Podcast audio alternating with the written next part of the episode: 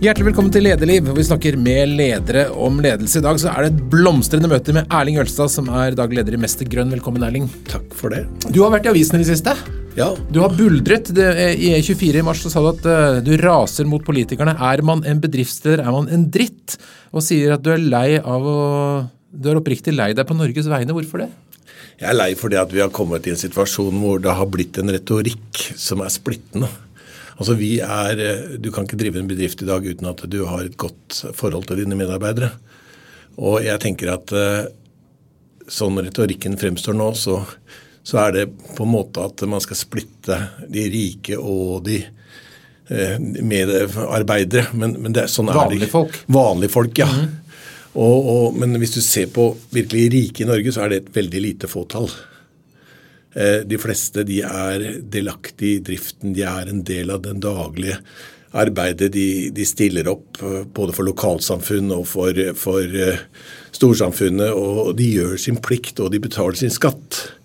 Og da er det feil å ha en sånn retorikk som vi nå ser i mange tilfeller kommer fra venstresiden i Norge. Og Det er veldig veldig trist, for vi må samles og vi må, være, vi må være gode sammen. Det er da vi blir et godt lag. Men Du sa til E24 at vi trenger en forståelse for hvordan det er å drive bedrift i Norge. Hvordan, hvordan syns du det er? Nei, nå syns jeg det er vanskelig. Eh, Det er vanskelig av mange årsaker. Eh, Fordi vi har, altså vi har veldig mange ting som er eh, gjør det utfordrende. Vi har et, et, si et utfordrende arbeidsmarked. Vi har en krone som er helt på ville veier. Vi har en generell prisstigning, vi har krig. Vi har, altså det skjer veldig veldig mange ting, og det skaper også uro blant mennesker. Og, og det er også noe som bekymrer meg, faktisk. fordi jeg ser flere og flere som møter veggen. Jeg hadde en diskusjon med legehelgen. Hun fortalte at hun aldri har hatt så mange unge mennesker som, som eh, er usikre på livet sitt innom legekontoret. Og Da tenker jeg at eh, da er bedriften, da arbeidsplassen, tryggheten helt avgjørende for at du skal finne roen og finne, finne den gode flyten. For er, den er vi avhengig av. Men Vi har jo både statsminister og næringsminister Vestre som reiser masse rundt til småbedrifter og snakker om at eh, småbedrifter er viktig, og Vestre er bedriftsleder selv. sånn. Hva er det du føler at de ikke forstår? Nei, det jeg ikke føler, føler at de forstår, er faktisk eh, vi, ha, vi, inn vi er inne i et grønt skifte. Vi er nødt til å gjennomføre et grønt skifte. Vi har klimautfordringer som er store. Eh, og så trenger man penger for å gjøre det. Og de pengene de må vi i dag betale i formuesskatt, spesielt vi som er norske eh, eiere. Og det Vestre ikke har svart på, er jo om det er rettferdig at norske bedriftseiere betaler mer enn utenlandske. Og det er stor forskjell på å være eid av et utenlandsk fond og en norsk lokal eier som har interesse for lokalsamfunnet sitt.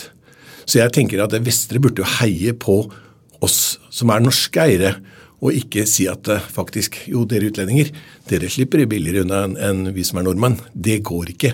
Det må, det, må, det må rett og slett man begynne å Eller man må bare skifte politikk, og man må endre. Det må være gunstig å være, gunstigere å være norsk eier enn det er å være utenlandsk eier. Hvilke konsekvenser tror du du kan få at eh, det er som det er i dag?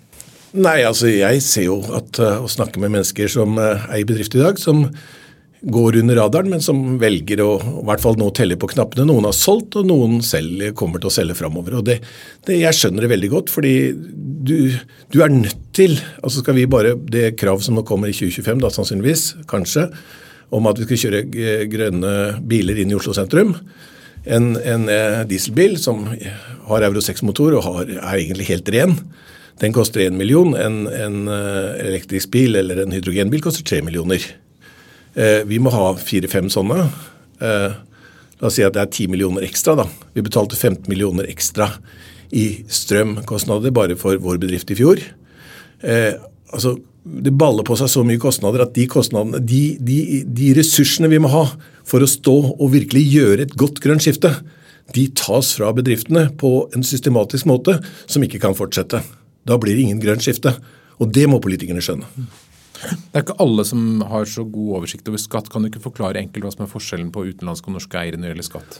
Nei, Det som er forskjellen mellom utenlandske eiere, er at, at vi betaler en formuesskatt i Norge. Den betaler ikke utlendingene. Så du betaler en skatt av den formuen bedriften din utgjør? Ja.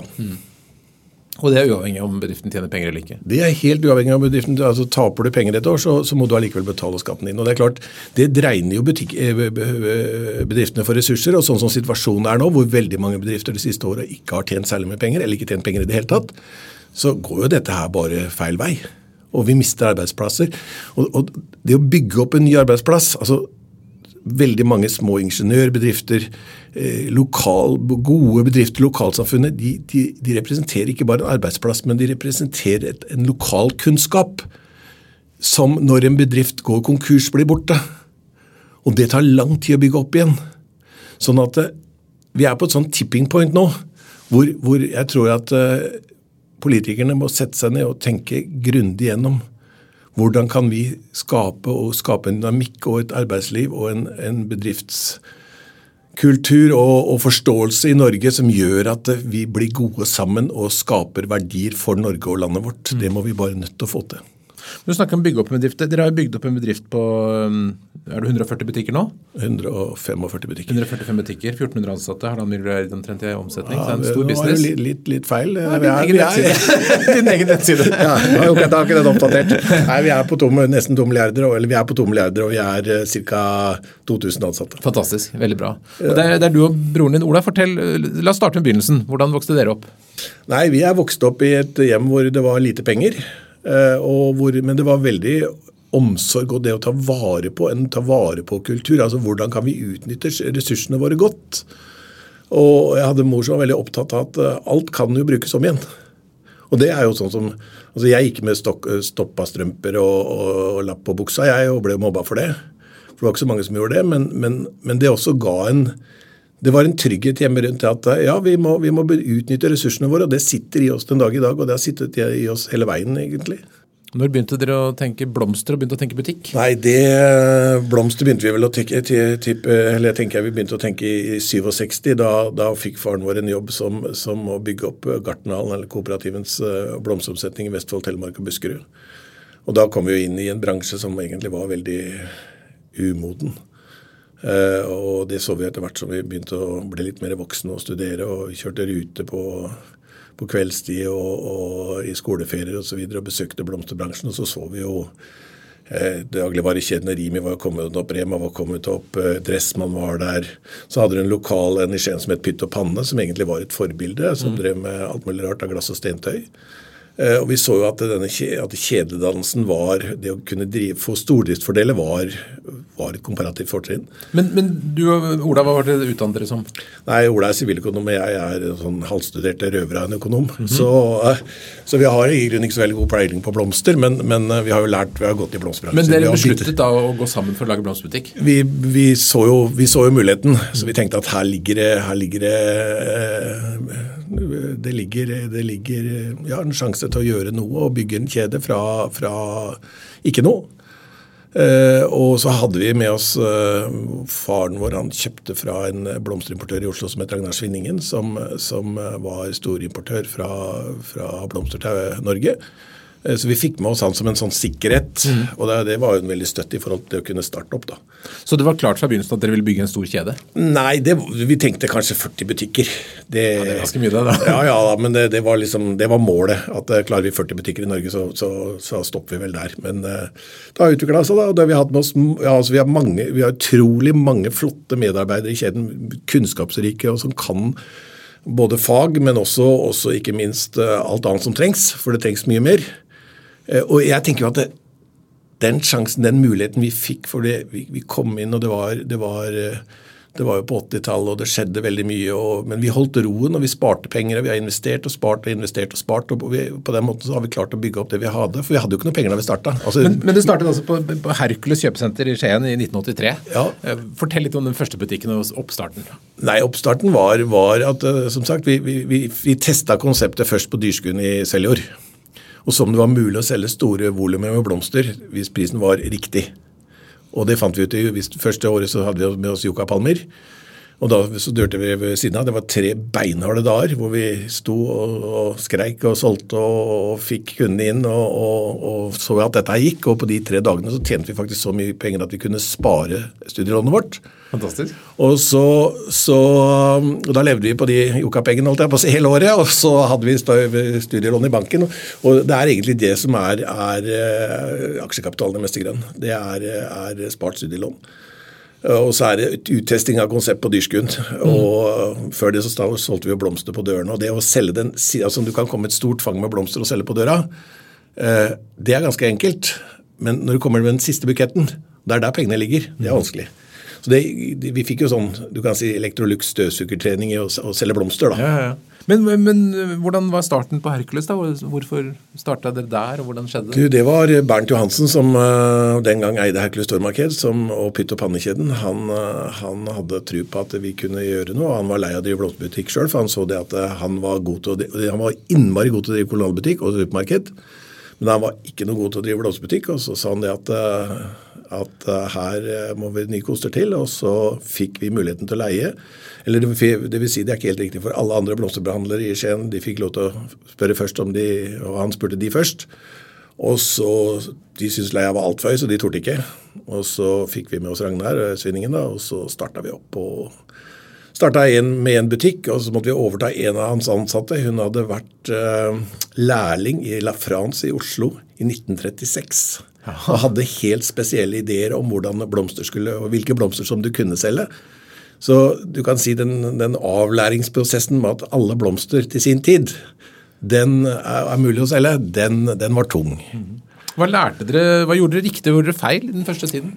Nei, vi, vi, prøvde veldig mye den første tiden. Og vi, vi, vi bygde jo Tenkte jo tradisjonelt litt uh, litt butikklokale, at det skulle være, skulle være, dør inn og litt Ikke nødvendigvis dør, men i hvert fall en, en, en stopper, sånn at folk måtte gå igjennom en, og ha sikkerhet rundt. I dag så bygger vi åpne butikker. Vi har, vi har store blomstertorv. Vi får fram blomster på en helt annen måte. Så det er, det er mye som har skjedd. Det er klart Vi har altså Omni-kanal, digitale flater, eh, nettbutikk. Vi er jo blitt relativt store på nett etter hvert. Eh, og vi, Den gangen så dekka vi kun altså det var grab and go. Nå er vi jo inne på brudebukett, på sorg, på alle mulige livets hendelser. sånn at det, det er jo en helt annen business vi driver i dag. Ble si, det å utvikle en kjede, var det sånn som dere hadde planlagt, eller var det mye overraskelse underveis? Det er vel ingenting som blir som en planlegger, eh, og det er vel egentlig det som gjør livet spennende òg. Eh, og for meg så har jo det vært, eh, vært viktig. og vi har, vi har, hatt med oss mennesker hele veien. altså Vi har med oss mennesker som har vært med oss i 7-38 år. Vi har vært en gjeng som har dratt dette sammen og som har fått dette til og bygd det opp og syns det har vært morsomt. Og, jeg tror det at du, at du syns det er morsomt det du gjør, det er viktig. At du har mennesker med deg som drar i samme retning. At du har det fellesskapet. Og Det er det jeg er så redd, da, at vi skal miste den grepet rundt det fellesskapet som har alltid vært der i Norge. For vi har, hatt et godt, vi har, har vært et godt klima å jobbe i. Men det å bli sjef, var det noe som lå for deg fra begynnelsen av? Nei, det kan du ha vel et godt spørsmål. Eh, eller kanskje et dårlig spørsmål. Nei, jeg vet ikke. Jeg, jeg, jeg, det er, det å, jeg har jo aldri jobba hos noen andre, så jeg sier jo alltid det at at eh, jeg har jo aldri jobba i en ordentlig bedrift, men så sier jo alle andre at du har jo en ordentlig bedrift, og, og du skjønner kanskje ikke at du har en stor bedrift, og det, det er kanskje litt vanskelig å ta inn over seg. Men, men uh, det å lede mennesker er jo gøy, da. Det er jo det som å skape utvikling sammen. Da, når du virkelig får til ting, så er det, det gir en god indre følelse. Mm. Hvordan du vil beskrive din lederstil? Jeg forventer resultater, men er veldig altså, åpen for innspill, prøver å, prøver å høre på folk, og så, og så, lar jeg folk slippe til.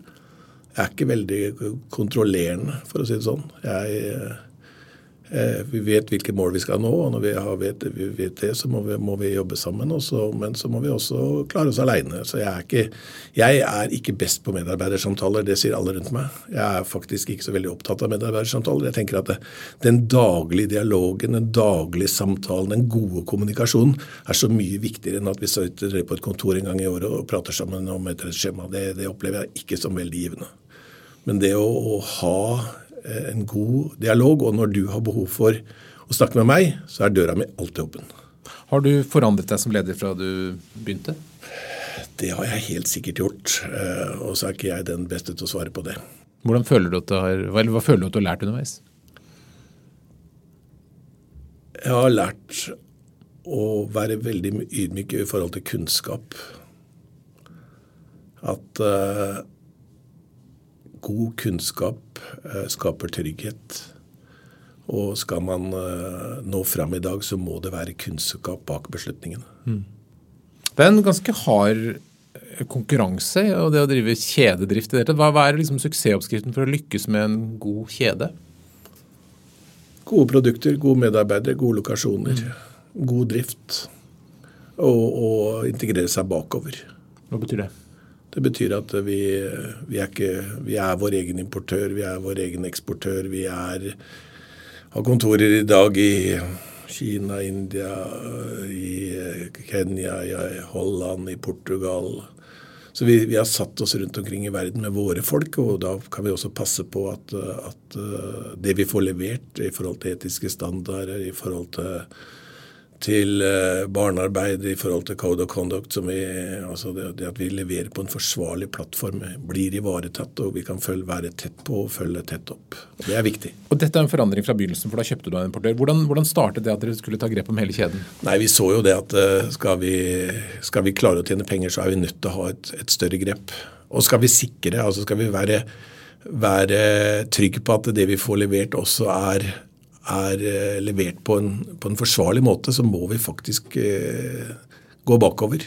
Eh, vi eh, Hvordan gjorde dere det? Nei, altså Regjeringen Jagland de, de, eh, de i 96 så åpna jo de for såkalt nullimport, altså null-toll. For det er jo høy toll på blomster, opptil 249 toll på blomster så åpna de for, for import av, eh, av, blomster fra de fattigste landene med nulltoll. Og, og da, da starta vi som alle andre med å kjøpe av en eh, hollandsk leverandør. Eh, men så fant vi ut at hollenderne de hadde jo stempel fra et hvilket som helst land i hele verden. Mm. Så, så, om det var om hvor rosene kom fra, fra, Holland eller om de kom fra Kenya, spilte ingen rolle for, for hollenderne. Og det tok vi brukte jo relativt kort tid på å avsløre. Da, og da fant vi ut at at det kunne vi jo ikke leve med. Det måtte vi bare få slutt på. Så vi, vi, vi hadde en ansatt, en medarbeider da, en tysker, som, som fant fram til at det var en uh, World Wildlife Fund og en, en uh, Mercedes-Benz faktisk, og et, en, en, en, privatperson. De hadde bygd opp en, et farmsystem i Kenya og i Tanzania. Så da dro vi til Tanzania og han eh, Klaus, som han het, han eh, og jeg vi dro sammen i Afrika. Han var egentlig min mentor i Afrika. Mm -hmm. Så jeg hadde en fantastisk god læremester. Eh, og vi var jo blant annet eh, Så da, da jeg, dro jeg til Tanzania, og jeg var der nede i 14 dager. og Jeg fikk jo egentlig litt sjokk. Ikke bare litt, jeg fikk veldig sjokk. Komme fra siviliserte Norge og så ned dit. Eh, Uh, var ikke i kontakt med familien eller noe som helst omtrent på de 14 dagene. Det var, det var å reise rundt og besøke farmer da i vi var nede i Uganda, vi var rundt i Tanzania. og og snakka med og opplevde hva som skjedde. Og det var jo, det var jo Folk hadde jo ikke arbeidskontrakter f.eks. den gangen. Det var ingen som, det var dag-til-dag-arbeidere. De sto på kø utenfor om morgenen og skulle inn på farmen og ha jobb, og fikk lønn og rik om ettermiddagen. og i det hele tatt, Det var jo ganske ureglementert alt sammen. Og det var ikke altså det med sprøyting og giftstoffer og alt sånt. Det gikk jo i hytt og pine. Så, så, det var ikke noe å være stolt av. og da, så, så, det var vi jo helt enige om begge to. Etter hvert så, så kom jo noe som heter Kenya Floral Council på banen og begynte å, å kreve et, et, system rundt det å dyrke blomster og, og også andre, andre produkter. Og så uh, i, ja, i 2003-2004 så kom uh, Fairtrade, eller Max Havelaar, inn. Da. da var det ganske politisert, men de var veldig, veldig dyktige i forhold til det å, å skape en standard. Og se at det her måtte det helt andre strukturer inn, og, og både helse, i forhold til helse, miljø, sikkerhet, kvinners arbeidsrettigheter osv. Og, så uh, og Eh, så da var vi mye sammen med de og så på hvordan de arbeidet. Og så i 2007 så var vi jo den første som starta med Fairtrade her i Norge. Så nå er det orden i sakene, der hvor du får blomster fra? Du kan si at uh, det er jo ikke bare blomster, men det er jo hardware, altså glass, keramikk osv. Uh, den som sier at 'jeg har alt, all orden i sysakene', den lyver. Uh, fordi det å kontrollere så langt bakover i en verdikjede, det er skrekkelig vanskelig. At det kan være eh, noen råtne epler i systemet, det kan man aldri gardere seg for. Men vi gjør veldig mye, og vi jobber tett sammen med Fairtrade. Vi jobber sammen med med etisk handel. Vi, vi prøver, og vi, vi er, vi er framoverlente. Eh, vi reiser mye sjøl. Jeg skal ha vært i, Ken, vært i uh, Etiopia en gang i år. Jeg skal til Kenya om ikke altfor lenge. Vi er tett på, vi kjenner folka. Vi prøver å, å, å være veldig bevisst på og ikke bli lurt, men man kan aldri garantere noe som helst. Kan du ikke beskrive reisen, altså hele livet til en blomst, hvis jeg nå kjøper en bukett på Mester Grønn i dag, hvor, hvor lenge har den dyrket, og hvor, hvordan har den kommet til Norge? Nei, den, den, er jo en roseplante. Når den blir planta i jorda, så den, betaler man en royalty for det, og da, da skal, må den egentlig du, du kan si bære blomster i de neste fem åra. For at man skal kunne betale tilbake investeringa av selve roseplanta.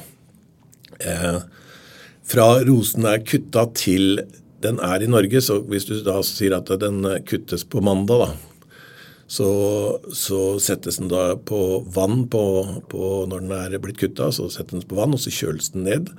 Og så blir den neste morgen eh, sortert i lengder og størrelse på hoder og osv. Kvalitetskrava eh, som vi har satt. Eh, og så blir den pakket i en eske, og så blir den utpå på ettermiddagen kjørt til flyplassen. Og så blir den fløyet til Norge. Da går det flyet fra, fra Nairobi eller fra Etiopia rundt midnatt. Og så er det fra Etiopia så lander det her klokka ti om morgenen. Fra Nairobi så lander det litt seinere, rundt her to-tre-tida. Mm. Og så går det er vi på flyplassen med store lastebiler. Da tar vi bare rett og slett flaket som er pakket ferdig nede i Kenya, rett inn, skyver det rett inn på bilen. Kjører det til lirtoppen, og så prosesserer vi det. Det betyr? At vi kutter det. Mm. Det er stort sett pakka i, ferdig i, Kenya eller Etiopia. Vi prøver å gjøre mest mulig i, i de fattige landene. Eh, og så det skaper, Vi må skape arbeidsplasser, og så skal man, skal man uh, Nå er jeg kanskje litt innskutt bisetning her, men skal man, skal, man skal vi holde tritt med befolkningstilveksten syd for Sahara, så er vi faktisk nødt til å skape i hvert fall 20 millioner arbeidsplasser hvert eneste år fram mot 2050.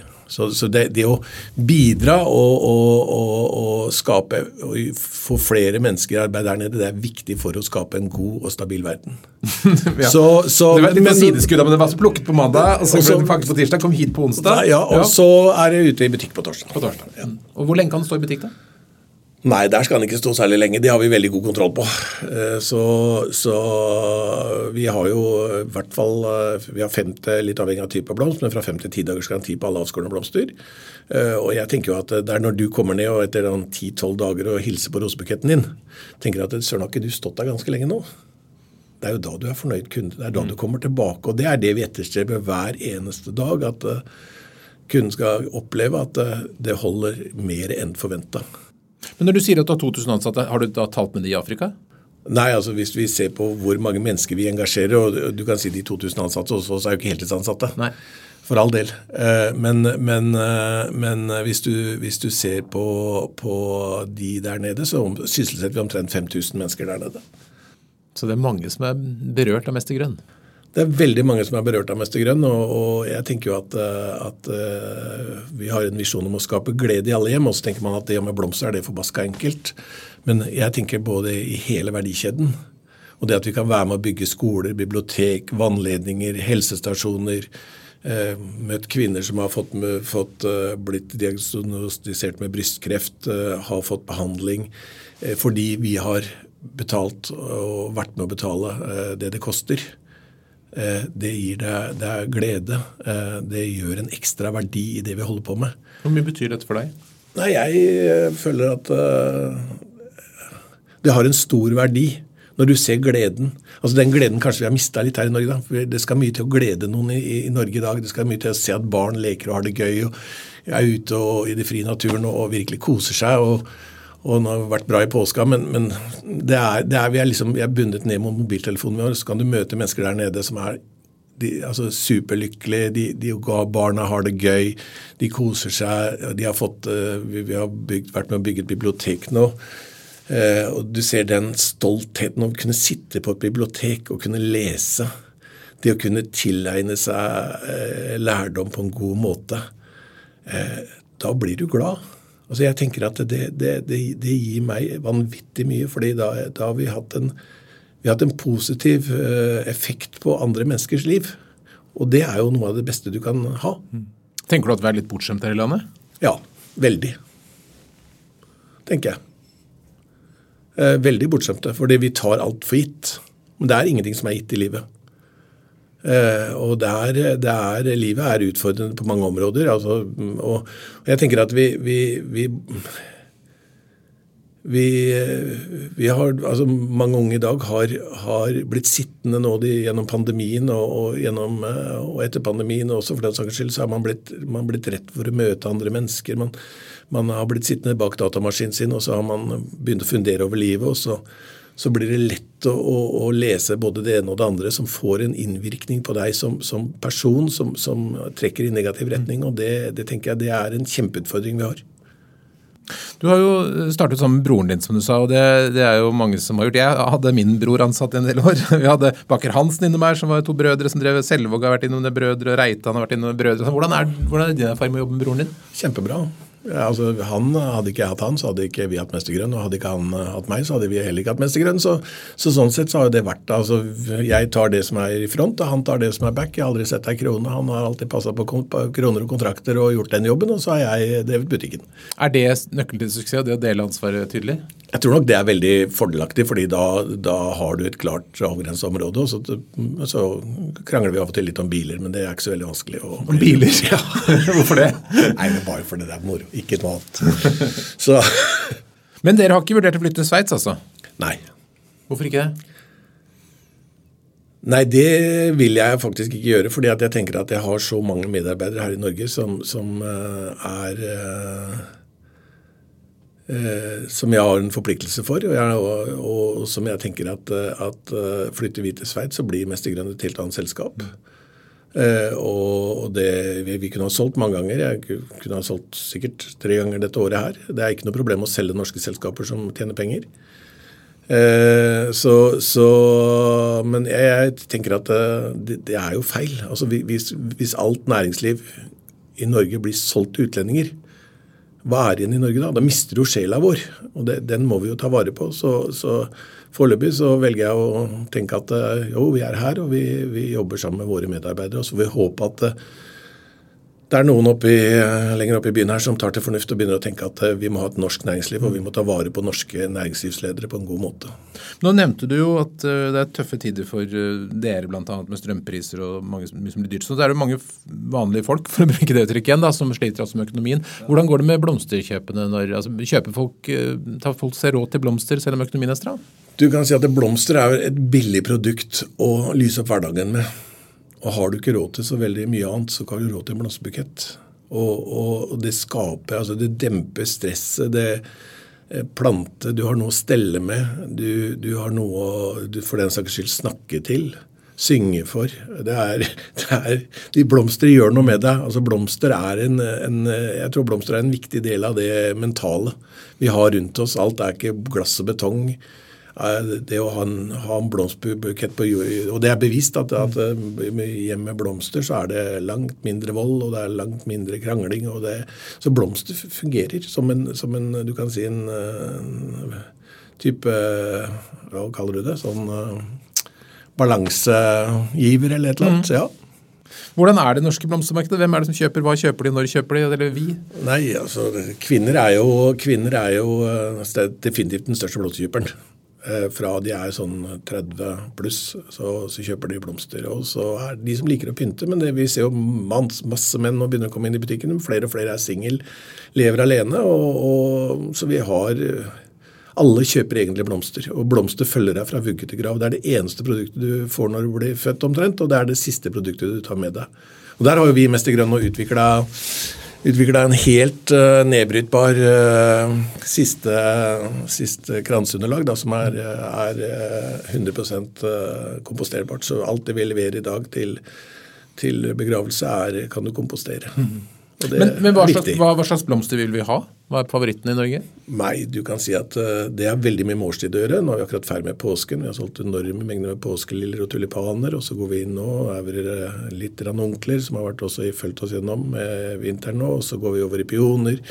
Og så blir det solsikker, og så, sånn går det. Og så er det julestjerner, og så er det roser, og så er det Det kommer litt an på hva du skal ha, hvilke, hvilke selskap, type mennesker osv. Men, men roser følger oss alltid i bunn og er jo vel, du kan si totalt sett i volum den, den største av de alle. Men er det faste sykler som gjentar seg hvert år, eller er det noen moter og trender i roser eller blomster òg? Det er veldig mye trender i farger. Mm -hmm. Hva skal det være nå?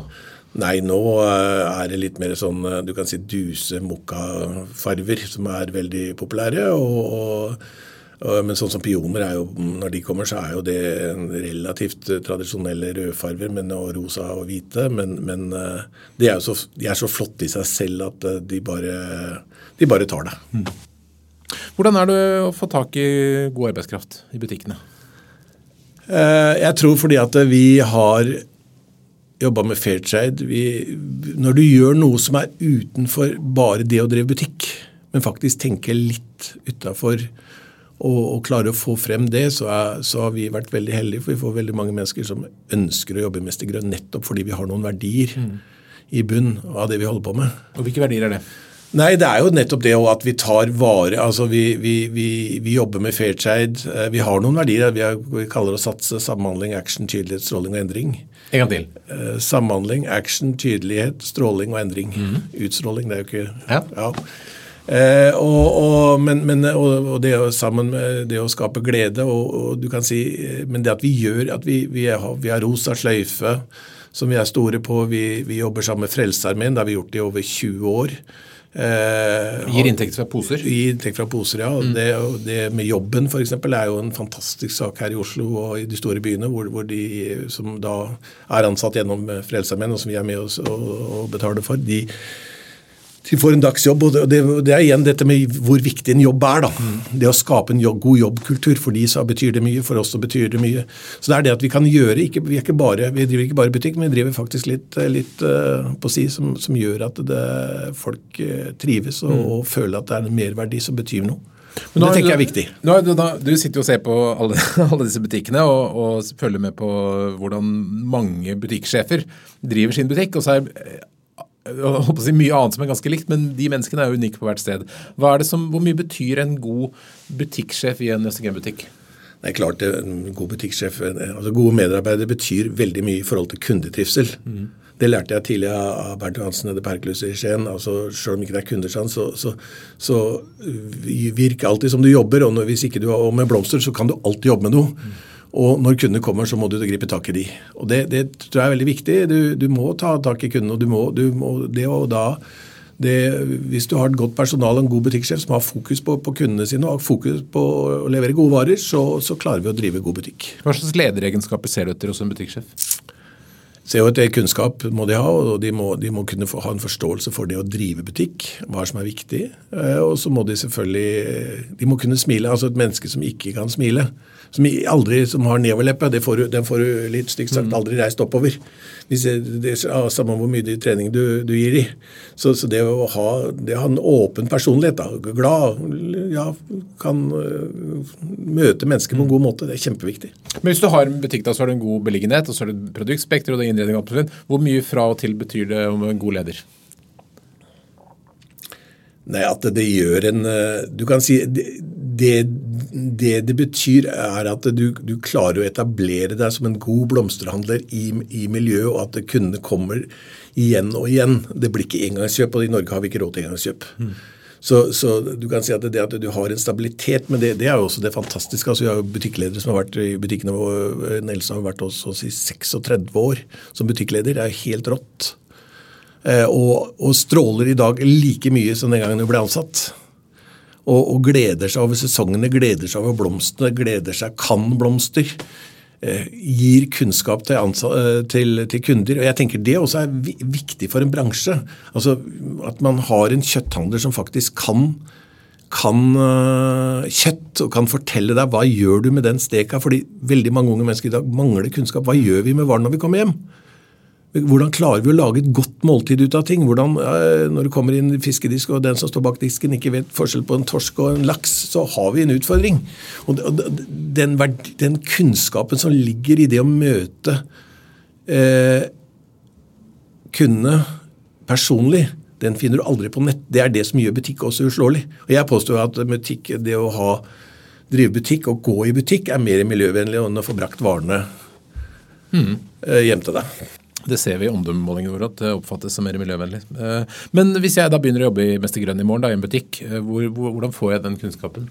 Da blir du kjørt på en haug med kurs, interaktive kurs i starten, og så samler vi deg etter hvert. Hvis vi ser at uh, du vil bli opp og fram, så kommer du inn på hovedkontoret, og så må vi skolere deg mer. Mm. Det er mye opplæring? Mye opplæring. Masse opplæring. Opplæring er viktig. Vi kjører nå, øh, bl.a. Øh, på, på blomsterdekoratører nå, så kjører vi, kjører vi tung kursing. Og, og, må, og, du kan si det krever ressurser. Og, og det er jo også altså, På skole jeg er sjokkert egentlig av og til over eh, hadde, hadde, en lærer som jobber for oss nå, som var inne og hun fortalte det at, jeg, at de, de kan jo ikke moms. altså De vet ikke hva moms er. Og, og, så det er liksom basiskunnskap. Der, og, og, det tror jeg skoleverket har også missa på. At, at det, det, å kunne lage et budsjett, det å vite hva moms er, det å ha en viss økonomisk forståelse, og allerede kunne begynne å jobbe med det når man går i, på ungdomsskolen, det mm. tror jeg er kjempeviktig. Det er, det er jo helt borte. Men, men, skal du klare deg i livet i dag, for, også fordi at det nå er ikke noe fysiske penger lenger, du har bare et kort, men det kortet går jo fort tomt. ja. Hvis ikke du har styring på, på pengene dine. sånn at, det, at det, er jo noen sånne grunnleggende ting som vi, vi etter hvert har fasa ut i Norge, da, som er helt nødvendig for å kunne klare seg godt i dagliglivet. Men det er jo interessant, for vi, vi, har en stor omdømmemåling hvor vi måler mange selskaper. og De handelsbedriftene som gjør det best i Traction, som heter, er jo Vinmonopolet og så er det Meny. Eh, og Begge de er jo kjeder som eh, er veldig på fagkunnskap. Mester Grønn er ikke målt der en eller annen grunn. Kanskje det blir etter hvert. Men, men, eh, det er jo åpenbart at fagkunnskap. Men samtidig så er det vel grunnen til at mange ikke legger så mye vekt på, er at det koster penger? rett og slett? Ja, det koster penger. Men, men det er jo der jeg tenker at vi er jo som bedrifter, da, når vi, når vi bruker penger på, på, på utdanning av ansatte, så så er jo også det noe kanskje Man trekker en skatt på den ene sida, så burde man kanskje se hva Altså det å ha et, et, et penger tilgjengelig for utdannelse av mennesker i arbeid, det er jo kanskje noe av det viktigste samfunnet kan ha. Og da må politikerne tilrettelegge for det, da. Skal du stille til valg snart, eller? Nei. Det skal jeg ikke. Jeg skal ikke blande meg bort i politikk i det hele tatt, det er jeg helt ferdig med. Men jeg, jeg kan gjerne utfordre. Det syns jeg er ålreit, fordi vi kan jo ikke fortsette å, å drive på sånn som vi gjør nå. du, får, du får gi dem litt blomster. Kanskje de blir mer glad da. Kanskje det er måten i stedet for å kjefte på dem, at du skal nei, jeg kjefter, smigre dem litt med blomster? Nei, men jeg kjefter ikke på dem. Jeg, jeg utfordrer dem for all del. De, mm. men, jeg tror de må jeg, jeg, ønsker ikke å kjefte på dem heller, men jeg ønsker at vi kan ha en dialog. og jeg, Det er jo en av de tingene. Når jeg ser f.eks. i Danmark, jeg har jobba et stort prosjekt i Sverige nå, se hvor tett på politikerne er der næringslivet. Eh, Holland er jo mestere på det. altså Holland, Hvis de skal til Afrika, så drar ikke de til Afrika. Hollandske stat drar ikke til Afrika alene, de, sånn som vi gjør her i Norge. Da har de alltid med seg en næringslivsdelegasjon. altså man, man, man, bygger opp rundt bedrift og næringene. Eh, mens jeg føler jo at distansen opp Løvebakken den er jo som herfra til uh, toppen av SAS-hotellet. Det er en spennende utfordring. Jeg tror kanskje vi må invitere. Vi har hatt Eh, næringsministeren han var, Før han ble næringsminister, han var som leder for sitt eget selskap, men kanskje vi får invitere ham tilbake på lederliv. Helt til slutt, Erling Ølstad, hvis det kommer en person til deg og vil bli en god leder, hva er de tre viktigste lederrådene du vil gi? Vær ærlig mot deg sjøl. Eh, ikke prøv å prøv, prøv, prøv, du, å være ydmyk i forhold til møte med andre mennesker, og ta andre mennesker på alvor. Enkle, gode råd. Mm. Hjertelig takk for at du kom til Lederliv. Tusen takk for at jeg fikk komme.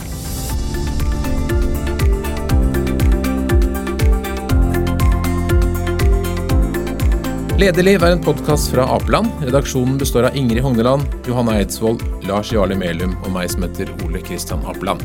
Og du er hjertelig velkommen til å sende ros, ris, tips om ledere eller hva du måtte ønske til oleatapeland.no.